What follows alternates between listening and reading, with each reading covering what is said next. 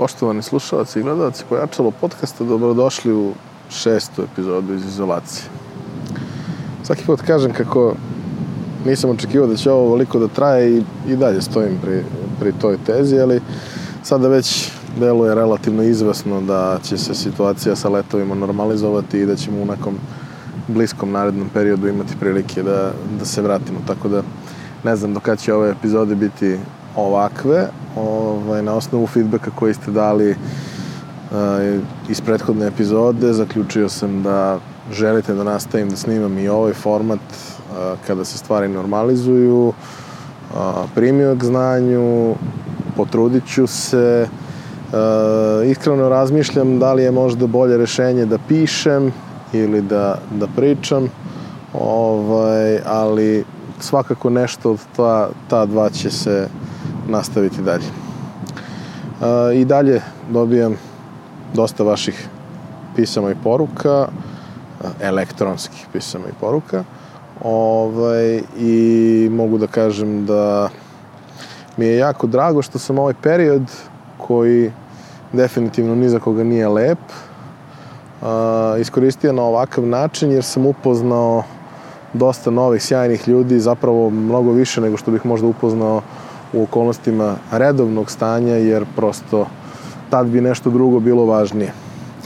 Tako da i dalje vas ohrabrujem da pišete, ovaj, ako imate neku zanimljivu ideju ili prosto želite savjet i pomoć, info.pojačalo.rs i izvojit ću neku količinu vremena i porazgovarat ćemo o tom. U današnjoj epizodi e, bavit ćemo se takođe jednom od tema koje su uh, u velikom broju vaših poruka bile pomenute kao, kao nešto što vas interesuje iz čega želite saveta. To je uh, freelance, freelance rad, uh, najčešće uh, i, iz ugla osobe koja već ima stalan posao, koji je sa jedne strane opterećuje, a sa druge strane koji uh, prosto ne donosi dovoljno sredstava da bi se živeo život na onom nivou kvaliteta koji, koji, koji ta osoba želi. u oba slučaja mislim da je, da je motivacija dobra i većini tih ljudi sam odgovarao, ali pošto pretpostavljam da oni nisu jedini koje to zanima, danas ćemo se malo više baviti tom temom. naravno, freelance postoji u mnogo oblika i ono što bih naglasio je da se danas neću previše baviti uh, ljudima koji žele da se bave freelansom u nekom ozbiljnom IT-u, dakle neki e, programeri, administratori, dizajneri, animatori i slično, uh, iz razloga što verujem da prvo ti ljudi imaju mnogo više izbora i mnogo više mogućnosti, drugo verujem da oni već znaju da se snađu u određenoj meri. Ako ima takvih koji ne znaju da se snađu, takođe pišite. Ja samo pokušavam da kad radim ovakve stvari, uh, obratim se najvećim broju slučajeva, najveći broj slučajeva su da kažemo ljudi koji nemaju nekakve specifične tržišno veoma vredne uh, kvalitete, znanja i veštine. A, tako da ovo je priča za one koji imaju uh, određeni broj godina, uh, nisu se opredelili za neku lukreativnu delatnost i sada razmišljaju o nekakvoj prekvalifikaciji i dokvalifikaciji, ali ne znaju dakle da počnu. Veoma je nezahvalno davati ljudima preporuke od čega da krenu, zato što je svako od nas u suštini drugačiji i svako od nas ima drugačije sklonosti, drugačije talente i generalno nametanje tih nekih e, ograničenja prosto ide u suprotnost sa, sa, sa onim što je u suštini jeli, poenta uh, freelance rad. Međutim, postoji jedna stvar za koju ja verujem da, da je jako dobar početak za sve a, i takođe uh, postoji pored toga nekoliko aktivnosti koje, koje možete da radite za koje će sigurno, koje će vam sigurno koristiti prosto u tom procesu. A, to o čemu pričam je posao virtualnog asistenta. Imali smo jednu epizodu pojačalo u kojoj je bila uh, Nikolina Andrić koja je pričala o ovome, koja ima i kurs o tome, a takođe se već 7-8 godina uspešno bavi time. Svakako je preporuka da, da, da tu epizodu poslušate, ali pre nego što to uradite, ukratko, šta je posao virtualnog asistenta? Posao virtualnog asistenta je da za neke druge ljude, za novac, radi sve neke stvari za koje ti ljudi nemaju vremena. Šta znači to? Lupiću sad nekoliko stvari, ne mora uopšte da bude na taj način, postoje različiti profili osoba koje to rade, ali i, i za različite namene, ali recimo, uh, došli ste sa letovanja, imate 5000 slika, od kojih je 4000 bez veze, neko treba da uzme i da pretrese sve te slike, probere ono što ima smisla, eventualno ih obradi, doda na njih e, informaciju kad je, gde je, šta slikano, recimo i tako neke stvari. I naravno, ljudi nemaju vremena za to. Ali za to je potrebno par sati posla koji je plaćen 10 ili 15 ili 5 ili koliko god e, dolara na sat i oni su spremni da daju 20, 30, 50 dolara da neko to uradi za njih. A, druga stvar je da su prosto na putu ka kancelariji, uh, setili se nekih stvari, snimili u audio i neko to treba da pretvori u beleške ili možda nekakav drugačiji format. Uh, treća stvar je da treba neko ko će odgovarati na mailove redovno i popunjavati u njihovo ime njihov kalendar obaveza da ne, bude do, da ne dođe do nekog preklapanja ili nečeg slično. Uh, postoji gomila stvari, da, da nekome održavate sajt, da nekome održavate društvene mreže, da nekome izmontirate klip sa, sa nekog predavanja koje je držao ili sa dečijeg rođendana ili šta god. E, ono što je bitno, veoma je raznovrsno, a sa druge strane ni u jednoj od tih oblasti ne zahteva neko ekstremno napredno znanje. I to je jako dobro da e, imate mogućnost da budete plaćeni dok se profesionalno orijentišete u, u, u svetu freelance. Dok niste sigurni šta da radite, da vas i dalje neko plati, a da vi polako upoznajete sve te neke oblasti u kojima možda možete da se ostvarite. I možda ćete shvatiti da je za vas obrada fotografije ono što želite da radite. Možda ćete shvatiti da je za vas dizajn ono što želite. Možda da pišete, ali kroz ove stvari ćete svaku od tih oblasti načeti dovoljno da vidite da li je to ono što vas zanima. Drugi pristup je, e, odnosno ne drugi pristup, već e, negde nadgradnja na ovo je da uzmete da istražite šta ljudi traže i koliko su to spremni da plate. Jedan od najjednostavnijih načina je da pogledate na platformi Upwork i na Fiverru recimo, a ima ih još, ali eto, eto primer, šta to ljudi rade, oni koji imaju mnogo ocena, oni koji imaju dosta, da kažemo, urađenih poslova i da onda možda vidite da li vi to možete da radite isto ili, ili bolje od tih ljudi. Tako ćete pronaći razne neke vrste poslova. Dobit ćete možda, recimo, posao uh, u kome dobijete gomilu skeniranih dokumenta iz kojih podaci treba da se unesu u nekakav Excel. To nisu kreativni poslovi najčešće, nekada i jesu. Najčešće nisu kreativni poslovi, ali su poslovi koje neko mora da uradi i koji su plaćeni e, za američke uslove možda skromno, ali za naše uslove prilično dobro. I to je idealna prilika da sa par sati nekog angažmana dnevno ili desetak sati nedeljno vi dobijete nekakav dodatak na platu koji ako se ispostavi da vam to odgovara i prija, može možda i da zameni vaš redovan posao. Naravno, za svakog od nas postoji različita motivacija kada ulazi u to. Jedna od stvari koja mislim da je jako bitna kada ulazite u, u ovako nešto je da je to idealna prilika da razbijete sve svoje predrasude. A, tu primarno mislim recimo na predrasude poput uh, ja ne umem da pišem, ja nemam talenta za pisanje, ja ne mogu nikad da izdizajniram ništa, ja nemam sluha i ne mogu samim tim ništa da uradim vezano, vezano za to.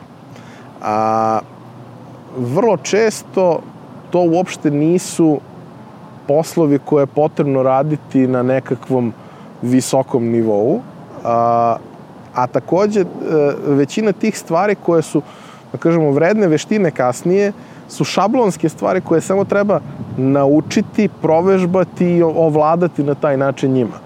Šta to znači? Pa neko vam pošalje u mailu par informacija ključnih i kaže molim te napiši mi vest na osnovu ovoga za sajt. Lupam uh, kućni savet nekog bloka kuća u, u, u nekoj saveznoj državi u Americi, u nekom gradiću, treba da ima sastanak. I oni vam kažu, bit će sastanak tada i tada, tu i tu, i neko treba napiše vest od toga. Ne očekuje se od vas da napišete književno delo, niti da budete Andrić, Selimović, Tven ili bilo ko drugi. Od vas se očekuje da napravite lepu, jasnu, precizno formatiranu vest i prvi put kada to budete radili možda će to da bude trauma za vas peti put kad je budete pisali, to će biti zaista piece of cake. Tako je i sa većinom drugih stvari. A, treba napraviti neku grafiku uz tu vest. Kako to može da izgleda? Pa možete da potrošite jako puno vremena i da napravite nešto komplikovano što neće služiti ničemu, a možete da uzmete fotografiju, prebacite preko nje, ne znam, pravougaonik crni koji će biti providan ili beli i preko njega napišete tekst nekim jednostavnim fontom koji je, koji je da kažemo, bitna informacija i da imate to rešenje. To nije dizajn. To je samo mogućnost da nešto uradite brže i, i potpuno samostalno jer ne zahtevate pomoć sa strane da, da bi se to desilo. E, to je samo nešto čime treba da ovladate da bi vam bilo lakše. Ista stvar je, ja ne mogu, ne, ne umem ja video, nikad ja neću naučiti montažu. Montaža je ekstremno jednostavna stvar. Ekstremno jednostavna stvar. E, e, nije lako izmontirati film i nije lako izmontirati spot. Ali kad vam neko pošalje ono 10 slika da od njih napravite slide show i podvučete neku muziku, to je bukvalno 5 minuta posla. Kada vam neko pošalje gomilu nekih e, klipova od kojih treba da isečete minut nekih bitnih stvari da složite i da opet podvučete neku muziku pod to, to je takođe veoma jednostavno. Samo treba da naučite kako to da radite, a naučit ćete i naći ćete gomilu tutoriala i uputstava kako to da uradite, pa ćete onda naučiti možda i neke fore i caki kako da to uradite bolje, ako vas cela stvar zainteresuje, a naučit ćete i gde da pronađete tu muziku koju imate pravo da koristite zbog koje vas YouTube neće banovati, Facebook vam neće obrisati taj video i tako dalje. To su sve stvari koje na prvi pogled deluju jako komplikovano, u suštini su veoma jednostavne. I to su sve stvari uključujući i nekakav napraviti nekakav Excel koji samostalno računa zbir stvari, računa koliko, u kom odnosu su neke stvari, e, napraviti dobro formatiran Word dokument koji nakon toga može da se a, lako prebaci u format, ne znam, digitalne knjige i slično. Sve su to stvari, sve su to veštine koje vam svakako trebaju da biste mogli da kažete da znate poslovno da koristite računar. A opet svaka od njih može da vas povuče da se u toj nekoj oblasti specializirate i unapredite svoje znanje. Evo još jedna stvar, ne moramo uopšte da zalazimo u to korišćenje nekih softvera i tako dalje, mada je to uvek nekakva nadgradnja u vašem džepu sigurno imate mobilni telefon koji ima više nego pristojnu kameru. Neki, znajući kakva je situacija kod nas i da su ljudi spremni na svašta samo da bi imali najnoviji telefon, verovatno imate i telefon koji je možda i, i, i, i noviji i skuplji nego što je neophodno samo zato što to volite. Super. Iskoristite ga. Sve ove epizode koje su snimane uh, u Americi, snimane su mobilnim telefonom. Snimane su mobilnim telefonom i bubicom. Uh, zašto vi ne biste uradili istu stvar za svoje neke potrebe? Zašto ne biste uradili istu stvar možda za potrebe nekog klijenta? Uh, vaš prijatelj ima perionicu veša i nema nikakav promotivni video za, za društvene mreže ili nešto slično. Snimite ga. Ne mora da bude komplikovano. Pojednostavite ga maksimalno, pa onda komplikujte vremenom kako ovladate novim stvarima. Za početak to mogu da budu statični kadrovi sa stativa kao što je ovaj. Ne moraju da budu dinamični kadrovi iz ruke, ne morate da budete Tarantino, ali uradite to. Snimite, izmontirajte, stavite neku jednostavnu grafiku, podvucite muziku. Prvi će vam oduzeti mnogo vremena, drugi će vam oduzeti dosta manje vremena, deseti će vam biti piece of cake, umeđu vremenu ćete naučiti razne neke stvari koje će vam možda biti interesantne i koje će kasnije da da vam omoguće da za svaki takav klip, prvo pomogli ste prijateljima naravno, a kasnije za svaki takav klip uzmete neki novac koji, koji nije beznačajan. E sad, ono što je uvek tu e, pitanje, to je kako naći prvi, prvog klijenta. I to nije jednostavno, ali tu opet dolazimo do onoga što, o čemu smo do sad pričali, a to je ne treba da vas bude sramota da pitate. Drugo, budite aktivni na platformama na kojima se te stvari nude i aplicirajte za poslove.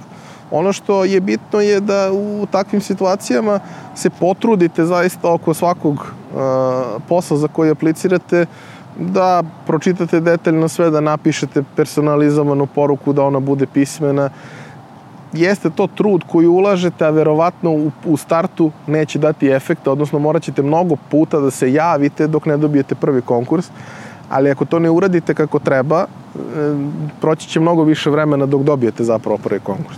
Druga stvar je da zapravo ljudima oko vas, e, poznanicima, prijateljima, e, ponudite to da nešto uradite za njih ako im je potrebno.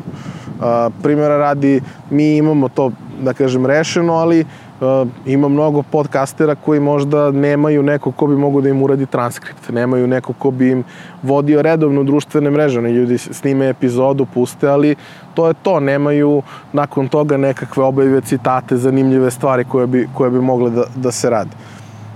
Zašto im ne biste ponudili to? Zašto ne biste ponudili nekome u vašem okruženju da im vodite društvene mreže u startu možda i bez novca da se učite kroz to, jer je to mnogo lepa platforma da učite. Mnogo različitih stvari je tu potrebno uraditi na dobar način, a, a kroz ovo ćete prosto imati prilike.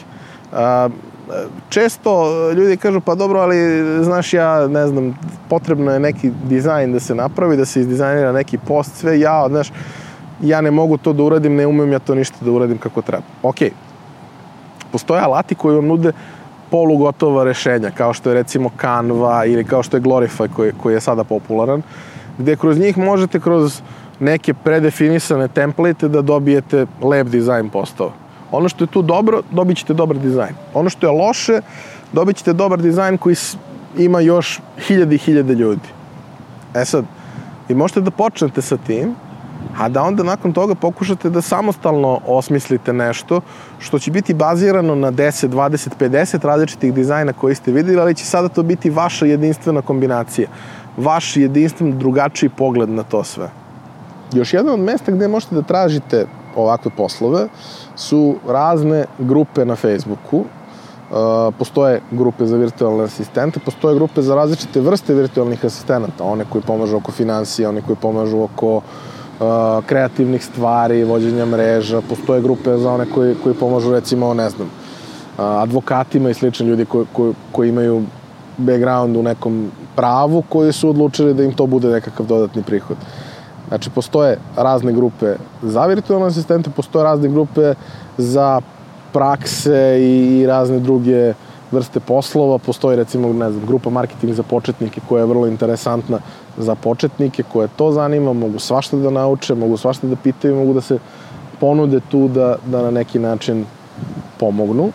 A, sve ove stvari su, su takve da e, vremenom mogu da donesu solidne prihode, ali da uglavnom prvog meseca gotovo izvesno nećete zaraditi ništa.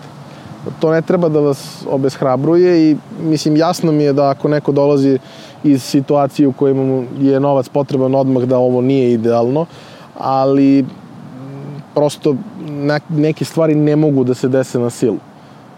Ali ako krenete sada ih radite, za par meseci će to biti osetan prihod, za šest meseci će to biti verovatno prihod u visini neke jedne i po prosečne plate. Ako nastavite da se razvijate za godinu dana možete da dođete do toga da imate dve prosečne plate od toga i da možda taj neki vaš posao koji vam se ne dopada zamenite time. A možda dođete i do toga da vas neka specifična oblast zainteresuje, da se u njoj krenete usavršavati da za godinu, dve dođete do toga da živite život uh, koji je daleko iznad prosečnog standarda jer ste ušli u oblast u kojoj su prosto plate značajno, značajno veći i gomila benefita koje, koje uz to ide. A, ono što me isto par ljudi pitalo, pa ću, pa ću reći i ovde, ja generalno ne preporučujem kurseve. E, smatram da naši ljudi idu na kurseve iz dva razloga. Najčešće prvi je zato što hoće da potroše vreme i da kažu da su bili na kursu. A, drugi je zato što misle da će to da im reši sve probleme koje imaju i da će to da nauče sve što im je potrebno, a stvari prosto ne funkcionišu na taj način. Da li neki kursevi mogu da budu korisni za vas?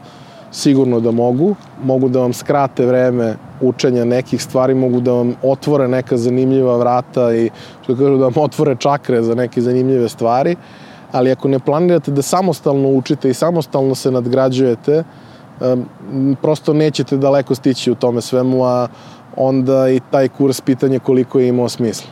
Sve to što učite na kursu, apsolutno sve možete da naučite samostalno, samo za malo više vremena.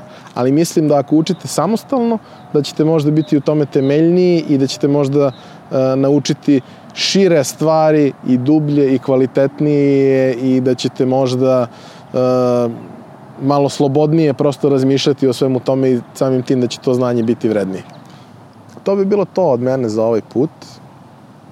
Nadam se da vam je bilo interesantno i nadam se da ćete kao i do sad nastaviti da pišete. A predlažem i da iskoristite komentare na YouTube-u da date neki predlog šta, o čemu bi mogli da pričamo u, u narednim epizodama, odnosno kojih tema da se dotaknemo u narednim epizodama.